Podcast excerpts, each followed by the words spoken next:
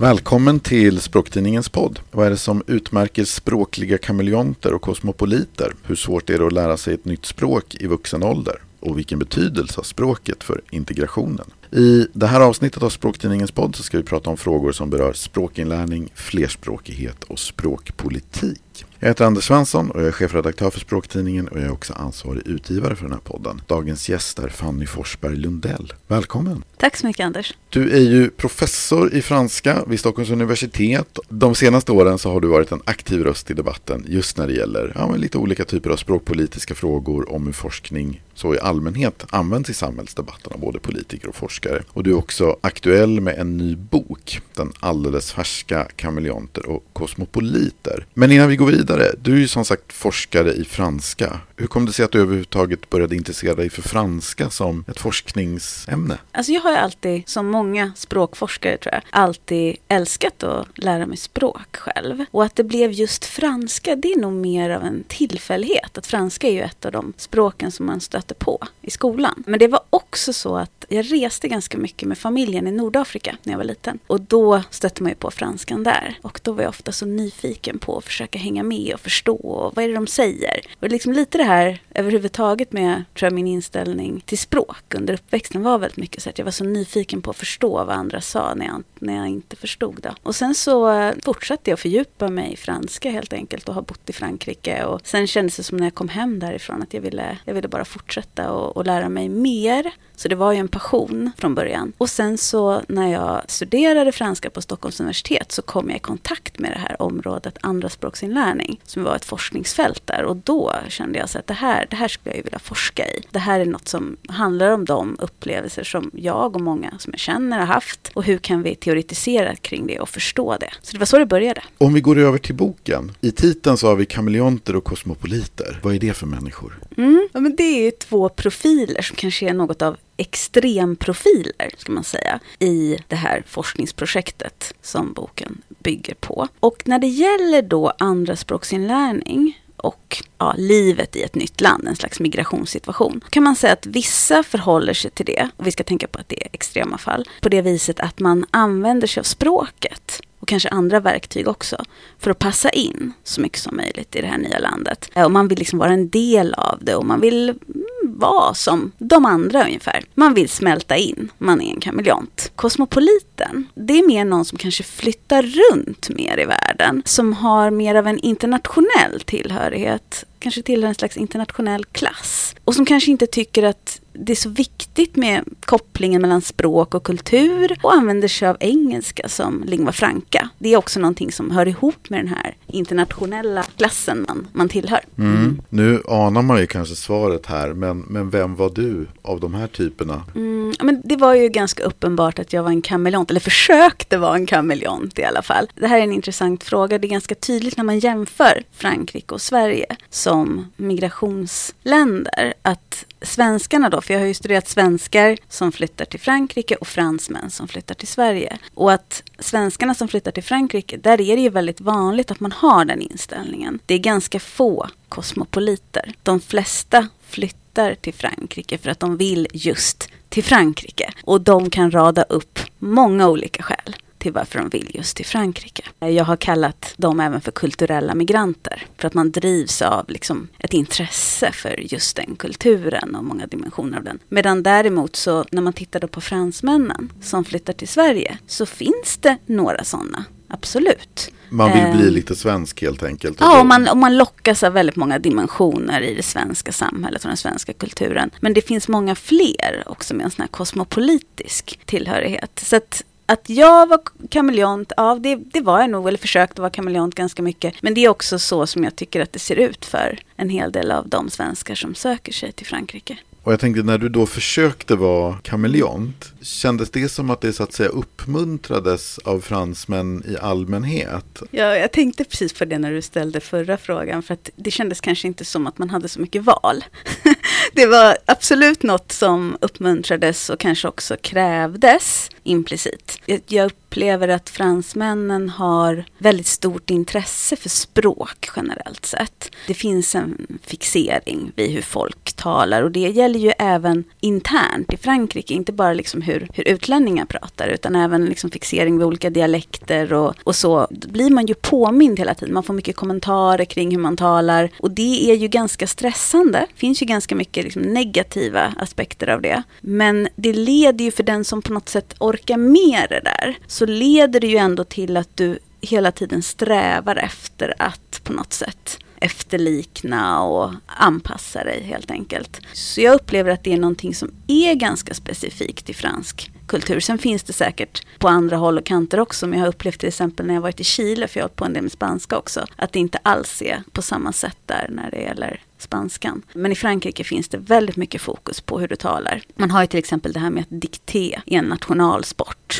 och sådär. Så att det, ja, det, det, är ett, det är ett speciellt land på det sättet. Och det, därför tycker jag också att det varit så intressant att jämföra med Sverige. Och dikté, det är väl som en form av diktamen va? Precis. som man gör som ett test. Precis. Och där man då, visst är det så, det är någon som Någon läser. läser. Mm, och så ska man läser. skriva ner detta korrekt förstås. Precis, och det är en väldigt vanlig övning i franska skolan. Det är ingenting man håller på med i svensk skola särskilt mycket, vad jag själv har upplevt i alla fall. Och jag, ännu mindre nu skulle jag kunna tänka mig. Men det, är- det är en väldigt vanlig övning och det anses vara viktigt. Och när du då som ja, men ganska ung kom Mm. till Frankrike, kändes det som att de här gångerna som du var en framgångsrik Mm. eh, kameleont, var det som en liksom, liten fjäder i hatten då eller? Ja, det blir ju som en slags känsla av eh, ja, att man har lyckats med någonting som är åtråvärt.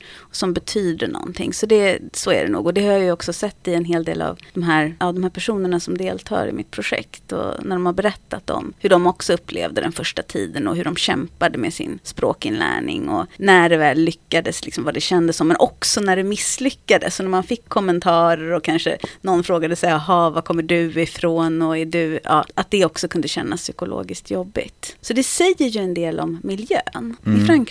Eh, som är väldigt annorlunda än Sverige. Och det, det känns också som att det, liksom, det tas ganska mycket för givet att man ska kunna det också. För att om man jämför med Sverige så tror jag många tänker att ja, men det är klart att det är svårt att lära sig ett främmande språk, inte minst ett språk som svenska som är så, så exotiskt. Och det kan man ju inte förvänta sig att folk ska bli särskilt bra på. Medan mitt intryck var att i Frankrike så fanns det absolut en förväntan och också en tro på att man skulle kunna det. Och så att ja, men nu, kanske, nu, nu behöver du bara liksom plugga lite till och anstränga dig lite mer och så kommer du nog, nog liksom kunna göra det. Det tycker jag också är lite intressant vad man har för uppfattningar och förväntningar om vad som är rimligt. Jag, jag känner mig mycket igen mig i det där. Mm. I liksom de tidiga, ja men strax efter 20-strecket så, så var jag väldigt mycket i Tyskland. Och talade, nu jag tyvärr tappat det lite, men talade ju väldigt god tyska. Och Mm. de, de gånger som ingen fattade att jag var svensk så var Ja. jag jättenöjd. Sen så har jag Ja. bott på Island också. Jag kommer Ja. ihåg att första gången som då min isländska var så pass hygglig så att någon frågade, kommer du från Färöarna? Det vill säga, det låter lite underligt men vi fattar vad du säger. Bara det var ju någon form av så här, åh, lite hedersbetygelse. Ja, men det är ju precis så där det är. Och Ja. jag tror att många av Så oss att det är som som, har... trappsteg liksom. Exakt. Som man, För, för min del är det då kanske Quebec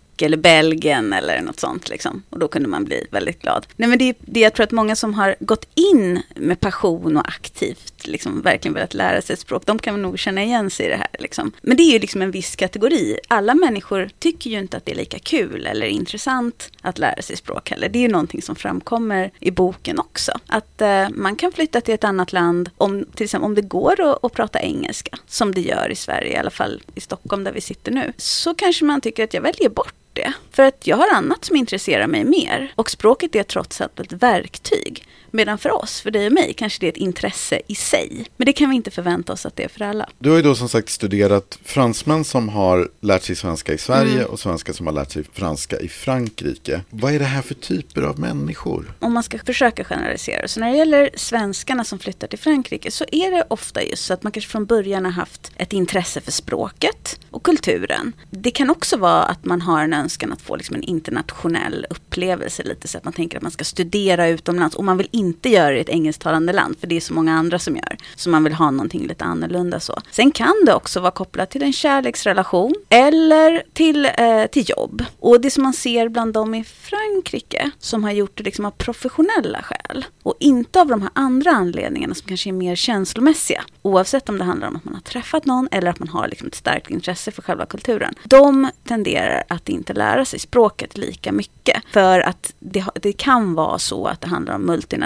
företag och att de har möjlighet att jobba även på engelska då. Och det är det vi ser händer med fransmännen i Sverige. Att där finns det ju en betydligt större sån grupp av arbetskraftsinvandrare helt enkelt. Som kommer hit och jobbar ganska ofta inom techindustrin men också ekonomer. Och de jobbar ofta med engelska som arbetsspråk eller både engelska och svenska. Men att de kan ta sig fram i ganska hög grad på engelska. Men sen finns det sådana bland fransmännen som också några av rent liksom, intresse för Sverige, kärleksrelation, också ganska vanligt. Så det är, lite, det är lite blandade motiv i båda grupperna men det som är väldigt tydligt om man ska särskilja dem är att det är mycket oftare som svenskarna som flyttar till Frankrike har ett särskilt intresse för den franska kulturen och ett antal dimensioner av dem. Och där tycker jag något som var intressant som framkom är att svenskarna de upphöjer ofta den franska kulturen och kanske samtalsklimatet, det fria intellektuella klimatet. Medan fransmännen som kommer hit, de pratar ofta om naturen och liksom att det finns sådana ytor, gröna ytor räntor. och sen är det en hel del som liksom också nämner faktiskt vårt, ja, men vår välfärdsmodell som någonting som de uppfattar som positivt. Och då kan man ju tänka sig att det är ganska olika drivkrafter. Inom migrationsforskning så pratar man om så push och pull-faktorer. Och om man tänker då på liksom pull-faktorerna som de här olika länderna har i förhållande till de här grupperna, de, de är rätt olika och jag tänker att det kan påverka språkinlärningen också. Att om du vill kunna delta i liksom fria intellektuella samtal och så, då behöver du ju utveckla din verbala förmåga fråga mer. Men om du, du liksom mer vill komma hit och vara i naturen och liksom kanske tycker att det här är ett sympatiskt ideologiskt klimat. Liksom. Det är kanske inte riktigt samma anledning att eh, nå en högre språknivå. Om vi pratar lite mer allmänt, vad är det för faktorer som spelar mm. in när man ska lära sig ett språk i vuxen ålder? Ja, jättebra fråga. Om man tänker mer allmänt bara kring språkinlärning, vi tänker inte språkundervisning nu, för det vet man att det har en betydelse till en viss nivå, men du kan inte liksom lära dig ett språk på avancerad nivå enbart baserat på språkundervisning. Så vi, vi, vi tar bort liksom själva undervisningen. Och då är det ju egentligen två faktorer som framträder som väldigt viktiga. Och det är ju dels språkbegåvning och sen så är det språkanvändningen. Alltså hur mycket du både använder och exponeras för språket. Det är lite som i mycket psykologisk forskning egentligen om man, när man tittar på expertis och liksom att folk som blir väldigt bra på någonting. Att det är både en fråga om individens egenskaper, vissa liksom kognitiva förutsättningar, men sen också hur mycket du tränar på någonting. Och, och de här två faktorerna är det som mest kan förklara. Men sen kan vi också säga att om man tittar på det lite bredare, och det har inte jag undersökt i mitt projekt, men det, är, det man har sett är ju att graden av läs-skrivkunnighet, eller utbildningsnivå också, det påverkar. Och även typologiskt avstånd mellan språken. Och i det här projektet så är det ju så att alla har en relativt hög utbildningsnivå. De har i alla fall minst avslutad, avslutade gymnasiestudier. Det typologiska avståndet är konstant. Och det är inte jättestort mellan svenska och franska beroende på vad man jämför med. Liksom. Men vi kan ju ana att det, det, eller vi vet att det är betydligt svårare om de här andra, om, om det typologiska avståndet är större till exempel och om, om individen har låg läs och skrivkunnighet. Ja, precis, för det är någonting man anar här, det är ju att det är inte så att säga medianmigranterna vi ser framför oss, Nej. eller att det är de som du har studerat Nej, här. men exakt, och det är det som, det är precis så det är och jag tror att den inställningen vi har lite till andra språk hemspråksinlärning och svenska som andraspråk i Sverige. Den är ganska färgad av att en hel del av de migranter som jag tagit emot, de står ju inför de här utmaningarna. Att det finns ett stort typologiskt avstånd och en hel del, speciellt på senare år, inte under liksom tidiga migrationsvågor. Men på senare år har jag också haft eh, låg läs och skrivkunnighet. Och då framstår det som att ja, det är, det är svårt och det tar ganska lång tid. Så det är väl också någonting jag vill på något sätt bena ut och diskutera i boken, att det beror på. Det är väldigt mycket individuella skillnader. Det kan vara en lång väg att gå och svårt, men det kan också vara så att man kan lära sig ett, ett andra språk i vuxen ålder på väldigt hög nivå. Det är möjligt och det tycker jag är lite så god nyhet, delvis, som presenteras i boken också. Att det är möjligt. Vi ska inte liksom resignera och tro att åldern eh, har någon särskilt stor betydelse. Ja, det har det för uttal och kanske i viss mån så grammatisk intuition. Men det finns väldigt många dimensioner av språket som man kan lära sig på hög nivå, även när man är äldre. Det, det försvåras ju av de här två faktorerna som jag nämnde. Precis, att om man har ett modersmål mm. som till exempel arabiska, Exakt. som ju ligger rejält långt ja. bort från svenskan ja. till exempel. Och så kan det vara så att man kanske till och med inte har lärt sig att skriva ens Precis. överhuvudtaget. Ja, då, då är man kanske både studieovan samtidigt mm. som de här språkliga avstånden är är stora och då blir det ju förstås rejält knepigt. Exakt. Om man dessutom då framförallt sätter sig i skolbänken som ju kan vara utmärkt i sig men man får kanske inte riktigt de här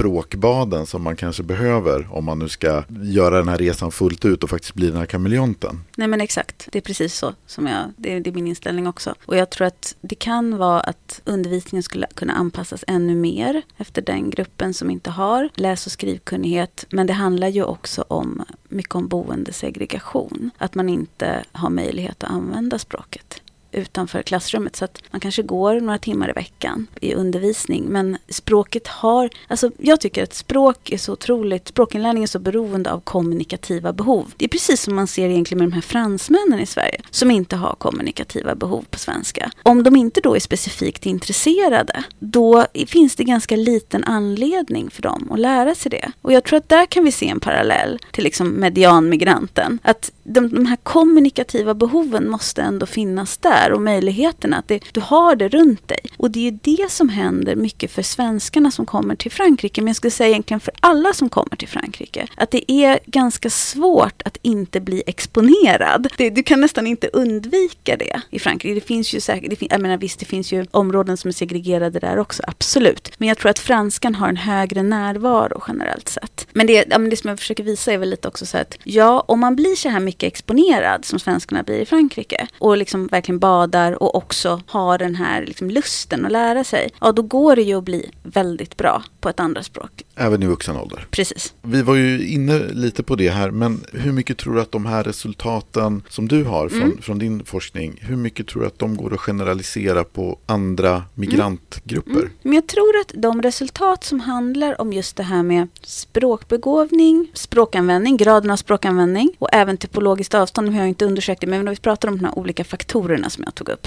de tror jag är generaliserbara. Jag tror inte det finns någon anledning att tro att de här deltagarna som jag har undersökt, svenskarna och fransmännen, att de skulle vara så annorlunda mot andra människor när det gäller de här individuella egenskaperna och behovet av träning. Men det som jag har velat visa, det är ju att olika miljöer spelar roll. Dels kanske vad du hamnar i för lokal miljö. Vad hamnar du i för socialt nätverk? Och just det här med kommunikativa behov. Men sen också mer då den sociopolitiska kontexten. Att det också spelar roll. Och när du säger sociopolitisk kontext, ja, vad menar du då? Då menar jag den ideologiska kontexten, alltså vilket värde kanske olika språk har och vilken plats de tar. Så kan det vara lite land. typiskt om man får generalisera, mm. så franska är ju ett språk som har hög status i Sverige. Mm. I alla fall har haft. Men, ja, ja jo, men det har nog fortfarande. Det är, det är fortfarande ja. fint att kunna franska, mm. även om mm. det är färre som pluggar mm. franska nu. Så, så det, mm. det, är ändå fint. Mm. Svenska kanske inte riktigt har motsvarande status Nej. för en som kommer från, från Frankrike. Exakt, det där är jätteintressant. För då, då, då pratar vi liksom om det som Bourdieu kallar för den språkliga marknaden. Och liksom vad olika språk har för status på en marknad. Vi pratar också om globala maktförhållanden. Liksom att ja, Frankrike har varit en stormakt och fran franskan har varit ett språk som har haft hög status och mycket inflytande i Europa medan svenskan inte då har varit det på samma sätt. Och jag vet ju att jag själv upplevde när jag bodde i Frankrike och det kanske har förändrats. Men att det kunde vara lite sådär att ja men i Sverige har ni egentligen någon kultur där uppe i Norden och det, jag kunde absolut uppleva att jag nog var lite underlägsen kulturellt i alla fall. Sen kanske det fanns andra sätt som de tyckte Sverige var framstående inom. Men att på något sätt så fanns det någon slags underordning. Någonting som det har talats väldigt mycket om när det gäller just språkinlärning. Det är den så kallade kritiska perioden. Mm. Att det är som under ett visst fönster eller vad man ska säga i liksom barndomen, ungdomen så är det väldigt smidigt att lära mm. sig ett nytt språk. Det går nästan med automatik och så är den här traditionella bilden att, att när man väl, det här så att säga, fönstret har börjat stängas igen, mm. då är det helt plötsligt ganska mödosamt att lära sig ett nytt språk. Utefter dina resultat, det här med kritisk period, är det lite av en myt? Eller i alla fall lite överskattat? Mm, jag skulle säga så här, att det beror på vilken tolkning av det man, man syftar på. Nu gav du sig en ganska nyanserad bild ändå tycker jag, men det finns kanske någon mer vulgär version också av kritiska perioden. Att ja, men det är lätt att lära sig språk när man ja, före puberteten och det är svårt efter. Och det, det måste jag ju säga att det är en myt. Däremot, om man tittar på, det beror på vilka färdigheter man tittar på. Vi vet från forskningen att uttal, det är begränsat liksom av mognadsbegränsningar. Det blir svårare att lära sig när man blir äldre. Så där kan man säga att det finns ändå känsliga perioder, brukar man prata om mer nu, en kritisk period. När det gäller grammatisk intuition, alltså att kunna se grammatiska fel, då kan det också finnas mognadsbegränsningar. Men däremot när det handlar om andra färdigheter som ordförråd eller kunna producera grammatik och så, då skulle jag säga att man börjar flytta fram lite den här kritiska perioden. Det har kommit studier på senare år som har sagt att ja, men det kanske snarare finns någon den här brytningspunkt vid 18 års ålder. Och då sammanfaller det också med intressant nog när man slutar skolan. Och då skulle man kunna tänka sig att det kanske har att göra med sociala faktorer snarare än rent biologiska faktorer. Att jag vid 18 års ålder händer någonting i hjärnan. Utan snarare att då kanske man inte får den här intensiva exponeringen för språket som man får då när man går i skolan. Liksom. Ålder har absolut en betydelse och det händer någonting under tonåren någonstans. Men man vet inte heller riktigt ännu vad ålder i sig står för. Att bli väldigt bra, i, som, som säga, högfungerande i vardagen, kanske gör lite grammatiska fel, inte har perfekt uttal, men det går ju jättebra att lära sig på den nivån i vuxen ålder om man får liksom rätt förutsättningar, att man kan använda språket mycket och, och så. Så hoppet är inte över när man har fyllt 18 med andra ord. Precis, och jag tror att det kanske har funnits någonting att ja, men det är så svårt och det är lika bra att börja jättetidigt och man ska börja på dagis med språk. Men det finns ju studier från Spanien till exempel som har visat att elever som börjar lära sig engelska senare i skolan än de som börjar lära sig tidigt blir ändå lika bra, om inte bättre, på grammatik efter ett tag. Så att, det finns ju en metalingvistisk medvetenhet som man har utvecklat när man är äldre. Så att det finns lite föreställningar. Jag tror att det finns en del föreställningar i samhället som florerar kring det här med ålder och någon slags fixering kring att, att ju yngre desto bättre. Senaste åren så har ju du varit aktiv i debatten om språktester för medborgarskap och för uppehållstillstånd. Mm. Och det är ju två saker som nu ja, är på väg att genomföras. Någonting som dyker upp i den här debatten då ibland det är att det finns de som är oroliga för att de här kraven då mm. för att få stanna i Sverige, att de mm. skulle kunna stöta bort personer som samhället skulle ha stor nytta av, alltså forskare eller någonting sånt. Men du har ju skrivit att du tror inte att det är någon större risk att de här personerna skulle så att säga välja bort Sverige om det kom ett, ett krav på vissa svenskkunskaper för att få stanna i landet. Varför tror du att det är så? Det man har kunnat se i studier är att de som har svårt att klara av de här testerna, det finns till exempel en stor studie från Norge som kom förra året. Då handlar det om typologiskt avstånd och tidigare utbildningsnivå. Det är två liksom starka förklarande faktorer till varför man inte klarar ett test på, på en, sån här nivå som föreslås. Och då tänker jag att om vi nu då pratar om högutbildade personer som kommer hit som arbetskraftsinvandrare som har dels en hög utbildning och förmodligen också engelska i bagaget på en ganska hög nivå. Jag har svårt att se att de personerna skulle ha, ha några problem att klara av de här testen. Engelskan och svenskan ligger nära varandra. Det är inte så svårt att ta klivet från engelska till svenska. Så, så jag kan inte se att det skulle utgöra någon reell svårighet för dem, liksom någon rejäl tröskel. Sen kan man ju också säga så att det är ju redan alltså, ett 20-talet länder i Europa som har språkkrav för permanent uppehållstillstånd. Vi är ganska ovanliga som inte har det och då är frågan varför vi skulle bli så mycket mer oattraktiva än andra länder som destination. Och då kanske i så fall man kan spekulera att ja, är det för att Sverige annars är så oattraktivt så det här det faktum att, att det inte har funnits något språkkrav för permanent uppehållstillstånd, att det har gjort Sverige då mer attraktivt. Jag kan inte riktigt se att det skulle utgöra en svårighet för den här kategorin vi pratar om. Det kan ju utgöra en svårighet för den andra kategorin vi har pratat om. De som har låg läs och skrivkunnighet och ett avlägset modersmål och dessutom förmodligen inte kunskaper i engelska. Då. Ja men precis, som sagt återigen pratar vi om forskare så pratar vi inte ja. om, det är inte medianmigranterna. Nej, och då skulle jag säga att om forskaren eller den högkvalificerade arbetskraftsinvandraren som kommer till Sverige inte lär sig svenska på nivå A2, då handlar det ganska mycket om prioritering och intresse och inte att det är svårt. Och det tycker jag är viktigt att liksom understryka. Och där är det någonting, där, där kommer väl kanske min lite franska sida fram då kanske. Att jag tycker att varför ska vi tycka att det ska vara så svårt för liksom högutbildade människor som kan engelska och komma och lära sig svenska, att det skulle vara ett sånt hinder. Kan vi inte liksom mer tänka att ja men det är väl klart att de kan göra det och vill göra det. För de vill ju bo i Sverige uppenbarligen och då kanske de vill kunna lite svenska i alla fall. Och det här är inte personer som har några särskilda svårigheter. Ett annat argument som dyker upp när det handlar om språktester mm. det är ju just det här ja, som vi egentligen mm. tangerat här mm. att behärskar man ett närbesläktat språk, är man studievan, kanske flerspråkig sedan tidigare, ja då har man ju förmodligen mm. betydligt bättre förutsättningar att klara Absolut. ett sånt här test. Jag har också då bott på Island tidigare och så emellanåt så, så leder jag fortfarande resor dit och mm. svenskar då som har varit i landet så här, tre, fyra dagar, jag brukar roa mig med att att vi har en sån här liksom föreläsningseftermiddag. Och en del i det att de får testa att göra en del av det isländska språktestet för medborgarskap. De får göra läsförståelsedelen. Det här är personer som i regel aldrig varit på Island tidigare och än mindre talar isländska. Men svenska, isländska, väldigt närbesläktade språk. Och förstås den här läsförståelsedelen, ja den är ju ganska enkel så det är många liksom basala gamla ord och därmed också ofta gemensamma för svenskan och isländskan. Så, så de brukar klara det här galant fast de egentligen inte så att säga kan isländska överhuvudtaget. Medan om man tittar på där, ja men kommer man från Polen som är den största invandrargruppen där, då blir det genast lite knepigare. För att då språkliga släktskapsavståndet betydligt större. Och motsvarande situationer har vi förstås i Sverige. Alltså att det här med att vissa får det enklare och andra får det svårare för att man råkar komma från ett visst land. Tycker du att det är bekymmersamt på något sätt? Ja, hur man ser på det är ju beroende liksom av vilka, vilka mål man har satt upp för migrations och integrationspolitik. Beroende beroende på liksom vilka, vilken ideologisk ståndpunkt man har i dem. Det finns ju inte ett svar. Om man tycker att jämlikhet är ett viktigt värde,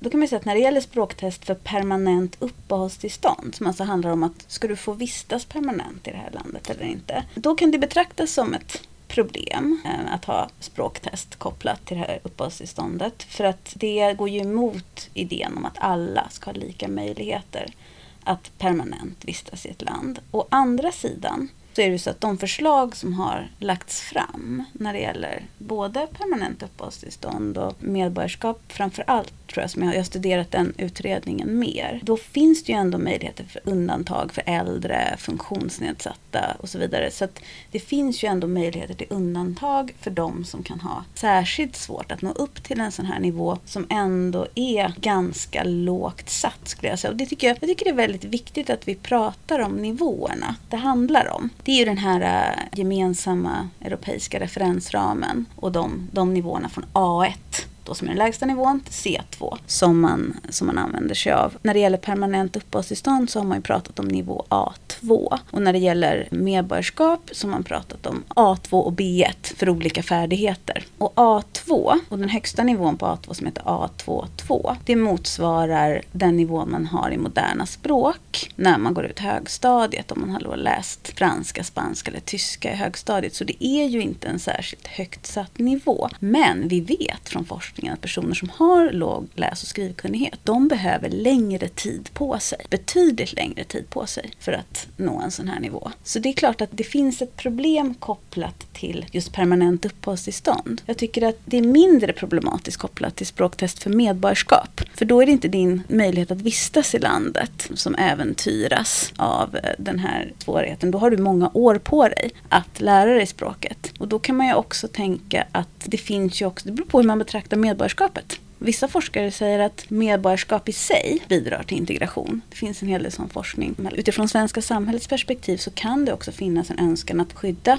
det svenska medborgarskapet och att på något sätt stärka möjligheten till verkligt demokratiskt deltagande. Så det, men det är inte enkelt. Det är ju inga enkla frågor. Och när jag har skrivit om de här sakerna så har jag nog kanske framförallt velat vrida och vända på det och mena att vi måste kunna diskutera det här utifrån olika ideologiska utgångspunkter. Det är intressant att du nämner ideologi här. Jag tänker när Folkpartiet liksom lyfte den här frågan 2002, då sa man att ja, men det finns forskning som säger att språktester för medborgarskap gynnar språkinlärning och sen så fick man backa lite där. Mm. Att det var flera forskare som ansåg att man hade feltolkat de här resultaten. Och idag så är ju argumenten lite annorlunda mm. och från politiskt håll så talas det ju mycket mer om det här just att man ska uppvärdera medborgarskap budskapet att mm. det finns en slags samhällssymbolik i att svenskan kan och ska fungera som ett kitt men samtidigt så är det ju så att jag såg till exempel att alldeles nyligen Institutet för språk och folkminnen hade till exempel i ett remissvar när det gäller det här förslaget om språktester för uppehållstillstånd så skriver man då att ja, men det, det saknas vetenskapligt stöd och det går inte att påvisa att språktester i sig skulle främja integration. Men ska beslutsfattande politiker,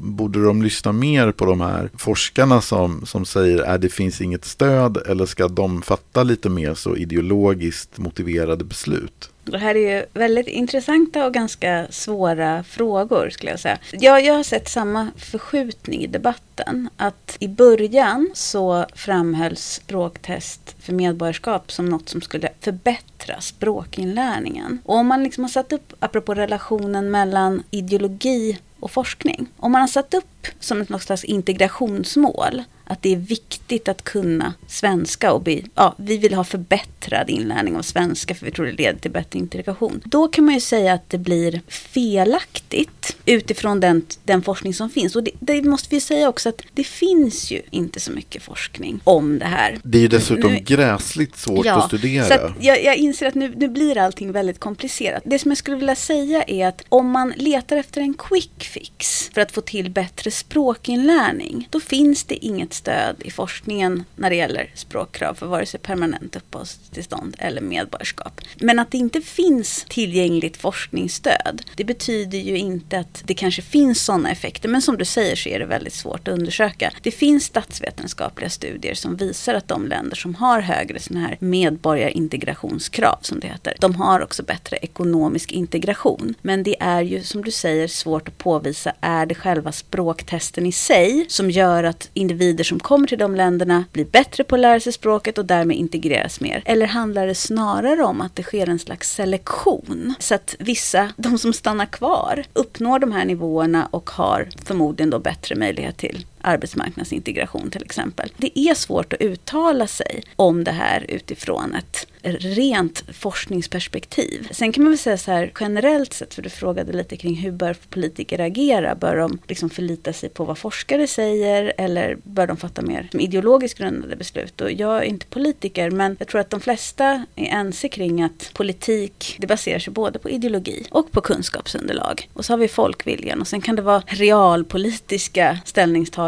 också. Men jag skulle, tror man skulle kunna säga att ideologin används ju förmodligen för att sätta upp mål. Och då är det olika värden som till exempel frihet eller jämlikhet som kommer att dominera. Och det går inte att forska fram. Det är värderingar. Vad, vilka värderingar tycker vi ska råda i vårt samhälle? Men däremot kan ju forskningen användas som en slags metod för hur man ska uppnå de här målen som man har satt upp då. Och om det då är så att en metod verkar vara liksom verkningslös för att uppnå ett visst mål som man har satt upp, då kanske det inte är så kompetent att använda sig av den metoden metoden helt enkelt. Ja, det finns mycket att säga om det här.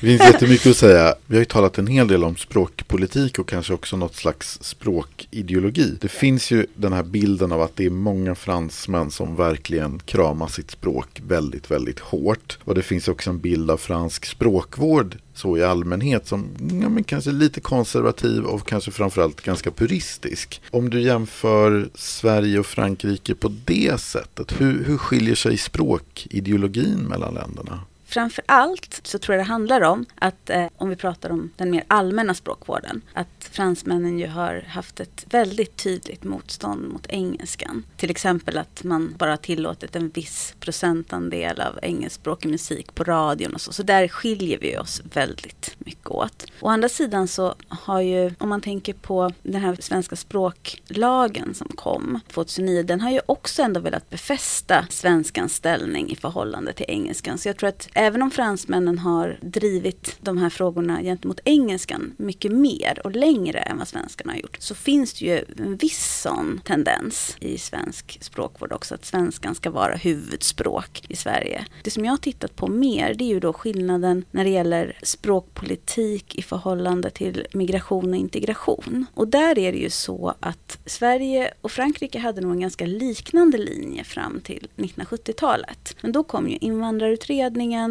och liksom en, en helt 1977 kom ju hemspråksreformen till exempel. Då började Sverige bedriva en mycket mer multikulturalistiskt inriktad både migrations och integrationspolitik framför allt. Medan Frankrike liksom har stannat kvar i någon slags assimilationsideal. Även om det finns andra strömningar där också så har liksom den, den huvudsakliga strömningen har ändå varit mer inriktad på anpassning, assimilation in i republiken. För det är det som är så annorlunda i Frankrike också att både till höger och vänster så är liksom republikens ideal väldigt viktiga. Och det gör ju också att man har sett språket som en väg till jämlikhet. Jag säga. Att man har velat skapa på något sätt förutsättningar för jämlikt deltagande i republiken genom språket. Jag hittade någonting jätteintressant som kallas för Multiculturalism Policy Index. Och då visade det sig att Frankrike har ett av åtta det är en skala då upp till åtta. Då ligger Frankrike på nivå ett medan Sverige tillsammans med Kanada faktiskt ligger på nivå 7. Och då handlar det alltså om olika policies inriktade på att främja mångkultur. Och jag tycker de siffrorna blev så talande. Eh, jag har ju liksom skrivit om andra exempel och så. Det faktum att såklart Frankrike har språkkrav både för medborgarskap och, och permanent uppehållstillstånd. Men jag tyckte också att det här indexet i sig var mycket talande. Och det kan säkert påverka hur man upplever också att det finns liksom ett tryck på att lära sig språket eller inte. Och att man inte uppmuntrar språklig mångfald.